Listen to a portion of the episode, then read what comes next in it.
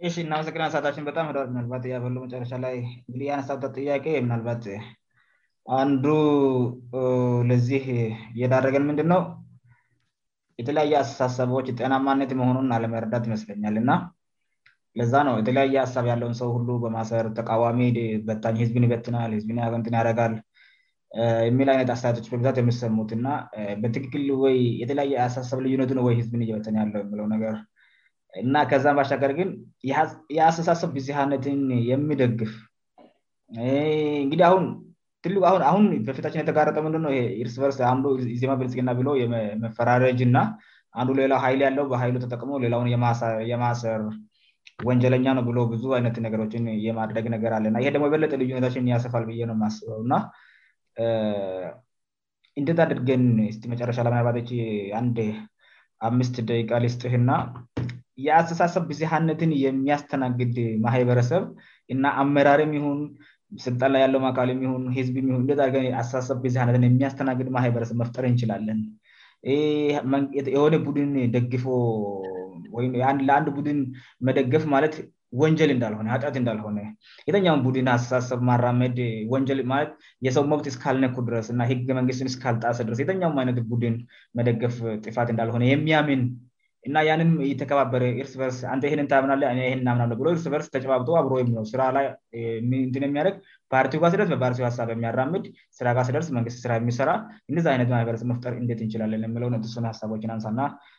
የዛረውን ታችን ላይ እናጠቃለን ሰችንበጣም ለመስጥ ይሄል እያስባለን አመሰግናለው ከፍትላ እንግዲህ የሀሳብ ብዛአነትን የሚያስተናግድ ማህበረሰብ አመራር የተማሪ ክፍል እንት መፍጠር እንችላለን ነውና ዞሮ ዞሮ እንግዲህ አሁን እዚህ አየር ላይ እየጠንጫጫን ያለነው እኛንም የሚሰሙ ሰዎች ከሞላ ጎደል ተማሩ የምንባለ ኮንሶ ልጆች ነው አብዛኛው ማህበረሰባችን ያልተማረው ገበረው አርሶደሩ እየሰማን አደለም ነገር ግን አርሶአደሩ መካከል የምንኖርም ስላለን እዚ ጋ የምንለዋወጣቸው ሀሳቦች ከለወጡን አብረውን ቁጭ ብለው ጨቃ የሚጠጡንም ሰዎች ሀሳብ መለወጥ እንችላለን ነው መጀመሪያኛ በሀሳብ ብዛነት የምናምን ከሆነ ስለዚህ እንደዚህ አድርጌ ለማስቀመጥ ሊሞክር በሁለት መንገድ ለማስቀምጥ መጀመሪያ ከአመራሩ ልጀምር ቀጥሎ ደግሞ ከተማሪው የማህበረሰብ ክፍል ልጀምር ምክንያቱም አመራሩም ዞሮ ዞሮ ከተማሪው የማህበረሰብ ክፍል የወጡ ስለሆኑ ማለት ነው ስለዚህ የሀሳብ ብዛሃነትን የሚያስሰናግድ አመራር እንድፈጠር ከፈለግን አሁን እናንተ አመራር አካባቢ ያላችው ሰዎች የሀሳብ ልዩነት አይገለምም የሚለውን እውነት እንድትውጡ ፈልጋሉ እንደ ክንን ዋጡት ትርጉም የሚሰጥ አይመስልም አደግ የሀሳብ ልዩነት አይገልም የምው ሀሳብ በሀሳብ ልዩነት የሚያምን ሰው እንደምሆነነው የሚያወራ ልል ይችላል እናንተ ጋ ግን ይህንን ነው እያስተዋልን ያለ ነው ማለት ነው የፖለቲካ ሀሳብ ልዩነት ለምሳሌ ሀሳብ ልዩነት ነው ህዝብ ነው የሚመርጠው ማን አስተዳደር እንዳለበት ሰው ሁሉ የፈለገውን ይለፍልፍ ከፈለገ ሀሳቡን ለመሸጥ ጥረት ያድርግ የሰዎችን ሀሳብ ለማዘጋት አትሞክሩ እሱ ብቻ አደለም በማህበራዊ ሚዲያ ላይም ሰዎች ሀሳብን በነፃነት ያንሸራሽ ስድብ አያስፈልግም ስም መለጣጠፍ አያስፈልግም በመንግስት በኩል ሃላፍነት ላያላቸው ሰዎች ማለት ነው ህዝብን ይከፋፍላል ብላቸ እንኳ የምትፈት ሳህዝብን ያተራምሳል ብላ እ የትፈት ሳ ህዝብን እርስ በርሰው ያባላል ብላ እ የምታምኑትን ሀሳብ በሀሳብ ኒትራላይዝ ለማድረግ ሞክሩ በሀሳብ ለማርከስ ሞክሩ እንጂ በስድብ መሆን የለበትም ወይም ስም በመለጠፍ ሆን የለበትም ሀሳቡን አንድ በአንድ መበለት ይቻላል ለምሳሌ አንዳንድ ጊዜ እናንተ የመንግስት ኃላፊዎች ከምታደርጉት ንግግር ውስጥ አደገኛ ነው ብለን የምናምነውን አውጥተን እንድህ እንዲህ ያልከው ልክ አደለም ብለን ልክ ያልሆነበትን አቅጣጫ ለማሳየት እንደምንሞክር የሀሳብ ልዩነት ስለማይገድል የሀሳብ ልዩነት በሚፈጠርበት ጊዜ ትክክል መስለ እንኳን ባይታያችው መሳደብ ማስፈራራት አደለም መፍትሄው ደግሞ ማሰርም አደለም ሰዎችም ማንገላታትም አደለም ጉልበት የሀሳብ ልዩነትን አይፈታ የሳብ ልዩነትን የሚፈታው ሀሳቡን በሀሳብ ኒውትራላይዝ ለማድረግ ወይም ሀሳቡን በሀሳብ ለመመከት ጥረት ሲታደጉ ብቻ ነው ማለት ነው ስለዚህ ምናልባት የሚረዳም ሚመስለኝ አሁን በኮሚኒኬሽን በኩል ጥሩ እንቅስቃሴዎችን እያሳያችው ነው ነገር ግን እንቅስቃሴዎቻችሁ አሁንም የበሰሉ አደሉም ማለት ሀሳብን በሀሳብ ለመመከጥ አቅም ገና ደብሎ አላደጋቸው ምናልባት ያንን ኦፊስ በማጠናከር የምትጠቀሙ ይመስለኛል አትሊስት አሁን በመንግስት በኩል ያላችው ማለት ነው ስለዚህ ምናልባትም ሀሳብን በሀሳብ መመለስ የሚችል የሚሳደብ የሰዎችን ስም የሚያጠፋ ሳይሆን በትክክል የተጻፈው ነገር ከመንግስት አቋም አንጻር ወይም ደግሞ እናንተ ከምታምኑበት አንፃር እንኳ ልክሆኖ ባይገኝ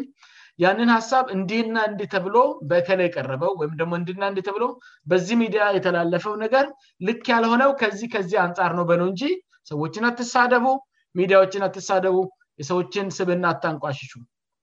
ደግሞም ሰዎችን ለማሰር አትሩጡ ሰዎችን ለማንገላታትና በጉልበት አፋቸውን ለማዘጋት ወይም ሀሳባቸውን እንዳይተነፍስ ለማድረግ አትሞክሩ ይሄ ህገ መንግስትን መጻረር ይባላል ምክንያቱም በኢትዮጵያ ህገ መንግስት ላይ ተደንግጓል ሰዎች ሀሳባቸውን በነፃነት የማስፋፋት የማራመድ የመያዝ መብት አላቸው ኑና ሄደን የሌን እንግደር እስኪላሉ ድስ ና የሌን ቤት ናፍ እስላሉስ ይሄ ወንጀል ይባላል ወይም ንሳይትት ለወንጀል ሰዎችን መቀስቀስ ይባላል ይ ከዛ ባለፈ በሀሳብ ሰዎች እናንተን እኳን መቃወም መብት አላቸው የከሌ ሀላፊ አይሁን ብለው ሀላፊም አትሆንበትም አስር ነጥቦች ብለ እኳ ቢያቀርብ እንደመከፋፈል መቁጠር የለብም ይሄ ችስ ሳብ መብቱ ነው አንተን ሄደን ንግደል ብሎ ሰዎችን ያደራጅቶ ወደ አንተቤት እየመጣ እስካልሆነ ድረስ ማለት ነው ስለዚህ የመጀመሪያ ይሄ ነው ለመንግስት ሰዎች ያለኝ ሁለተኛ ለመንግስት ኃላፊዎች የሀሳብ ብዛሃነት እንድመጣ ካስፈለገን ፖለቲካን ሃይማኖት አታደርጉ ብዙ ጊዜ እናገራለ እሱን ነገር ማለት ነው ፖለቲካን በሃይማኖት ቦታ አትተኩ ምክንያቱም ሃይማኖት ማለት ከፈጣሪ ጋር ያለንን ግንኙነት የሚነግረን የሚያስተምረን አቅጣጫ የሚያሳየን ነገር ነው አደለም ከፈጣሪ ጋር ያለን ግንኙነት ነው ዘሐይስ ግንኙነት የምንለው በምድር ላይ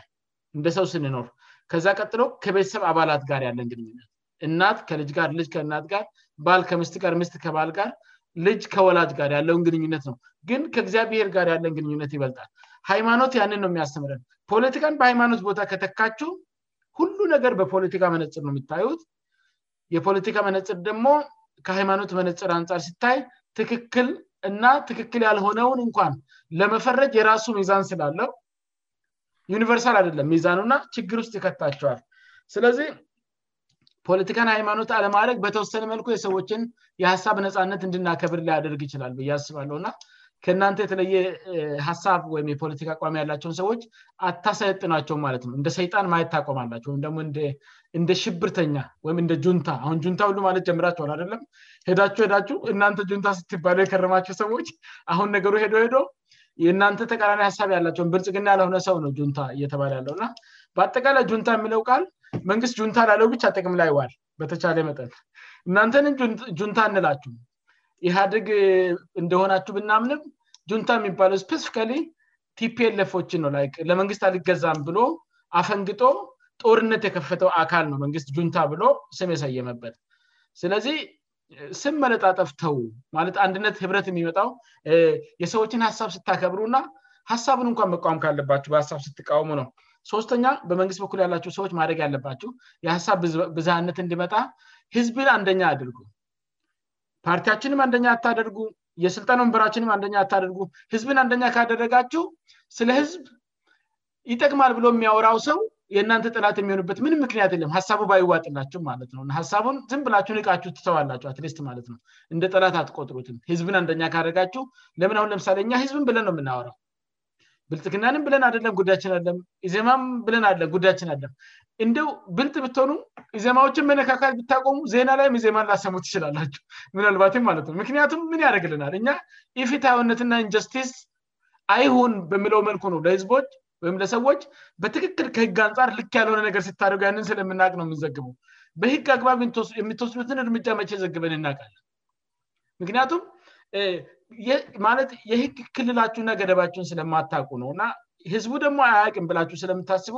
እናንተንም ለመርዳት ለእናንተ መስዋዕት ከመሆን አንጻር ነ የምንደርገው ስለዚህ እነዚህ ሶስቱ ነጥቦች አመራር ላይ ያሉት ሰዎች እንዴት የሀሳብን ብዙሃነት ወይም ልዩነት ማስተናገድ ይችላሉ ከለንጻ የሚያግዝ ነው ልፍጥንና ሰአትን እያቃጠልኩ ይገባኛል ግን ቶሎቶሮ ልናገር አሁን ቀጥሎው ደግሞ ከኮንሶ የተማሪ ማህበረሰብ ምን ይጠበቃል የሀሳብ ብዙሃነትን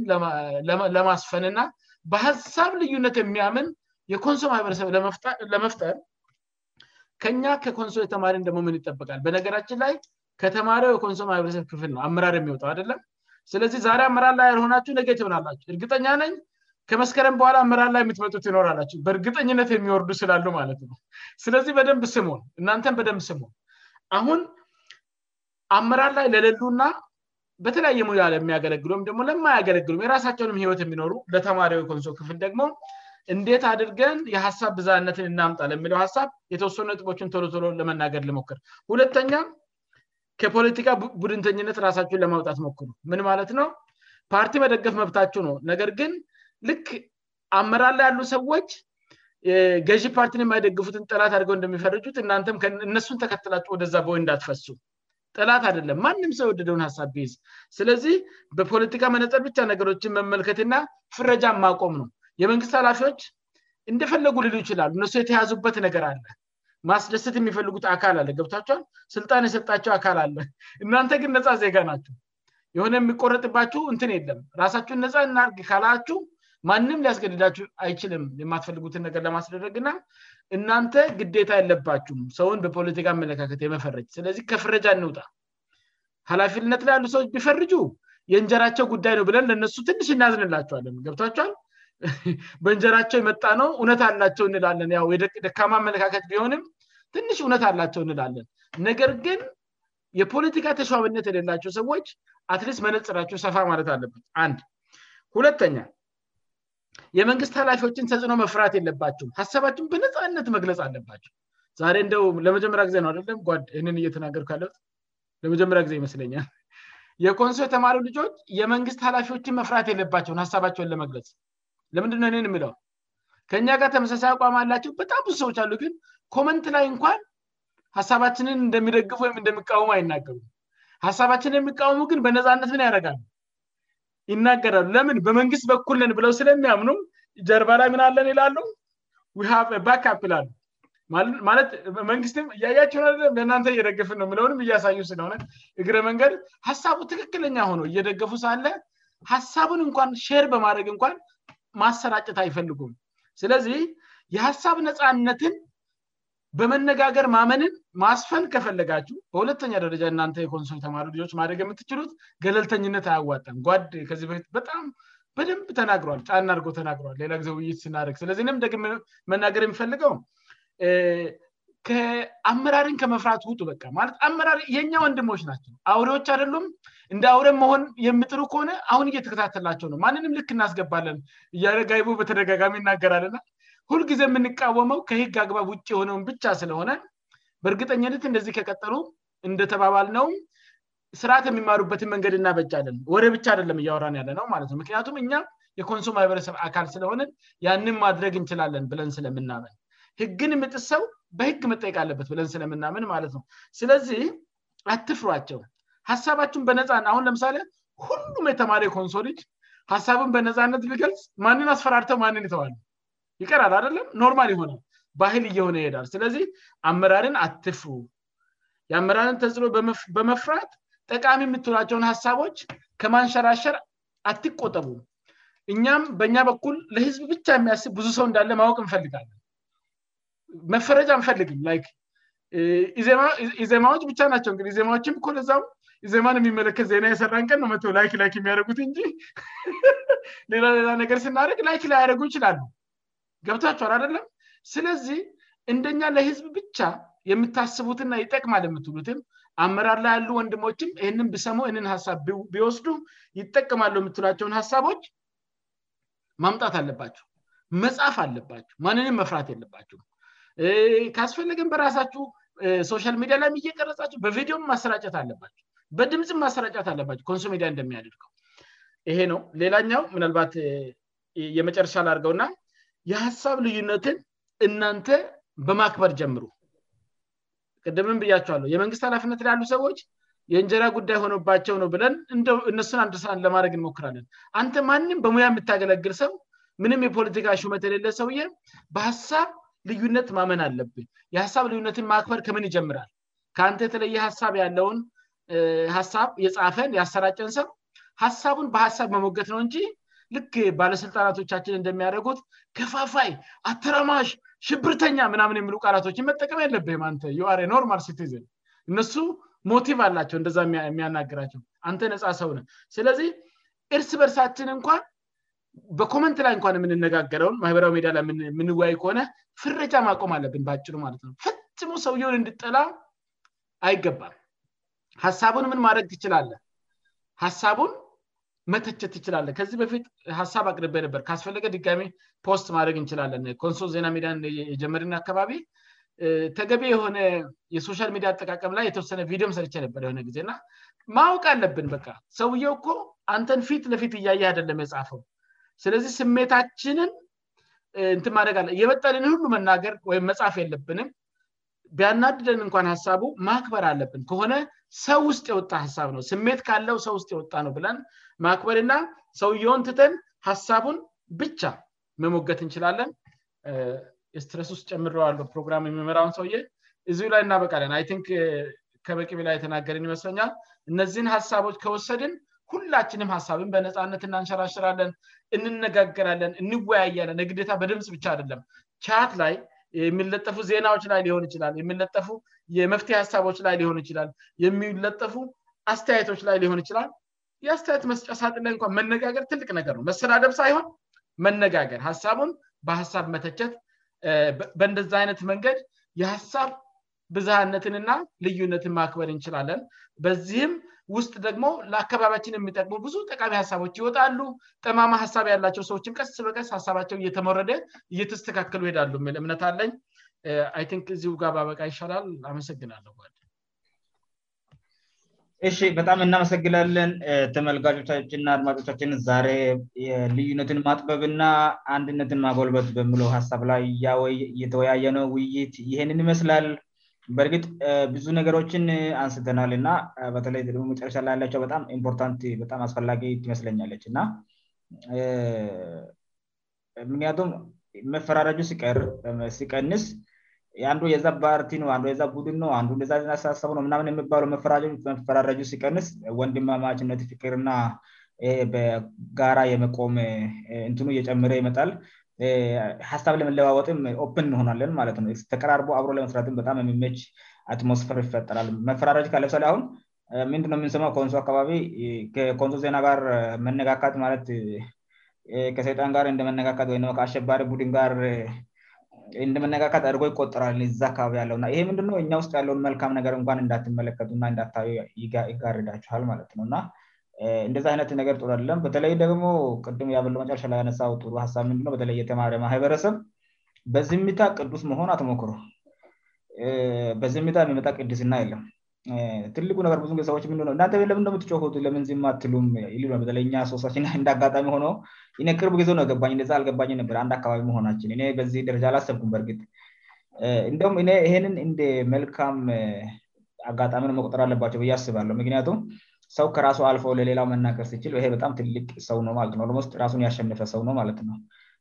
አብዛኛው ሰው ከራሱ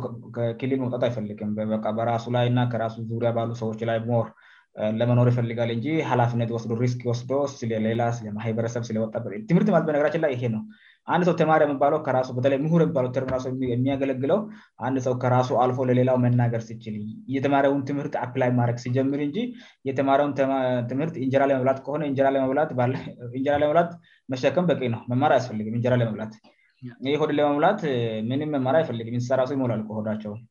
ስለዚህ እኛ የተማር ነው ከራሳችን ልለማህበረሰባችን የሚበጀን ሳብ እንድንሰጥ ነ የምሁን ትልቁ አስተዋጽኦ ሳብ መስጠጥእ መቆፈር አይደለም ደግሞ ፎር ያለባቸው ሰዎች አሉ ባላፍነት የተለያየ ስለሆነ ለዚህ ይሄኛ የተማሪ ማህበረሰብ ሀሳብ ባለመስጠት የምታጠርፉት አንዳች ነገርየምትፈልጉትን ጥ አታመጡ ማ ንድ አባባልለን የምትፈልጉትን ለጥ እ ራሳቸሁ ጀምሮ ነውነው ሚባለው ኮንሶላ እንዲመጣ የምንፈልገውን ሲስ ሁን እያራን ያለ ነውና ኮንሶላ እንጣእንጣ የምንፈልገው ስርአት እንዲሆነ የምንፈልገው ነገር በማሳአየት በመጠቀም በመናገር ቅድም ብዙ ነገር ተብላል እና ሱ ላይ እንድንበረታ በጣም አበረታታለው ስለዳመጣቸው እናመሰግናለን የዛረው በዚህ እናበቃለን በቀጣዩ ሳምንት በሌላ ፕሮግራም እስከምንገናኝ ር ስንብት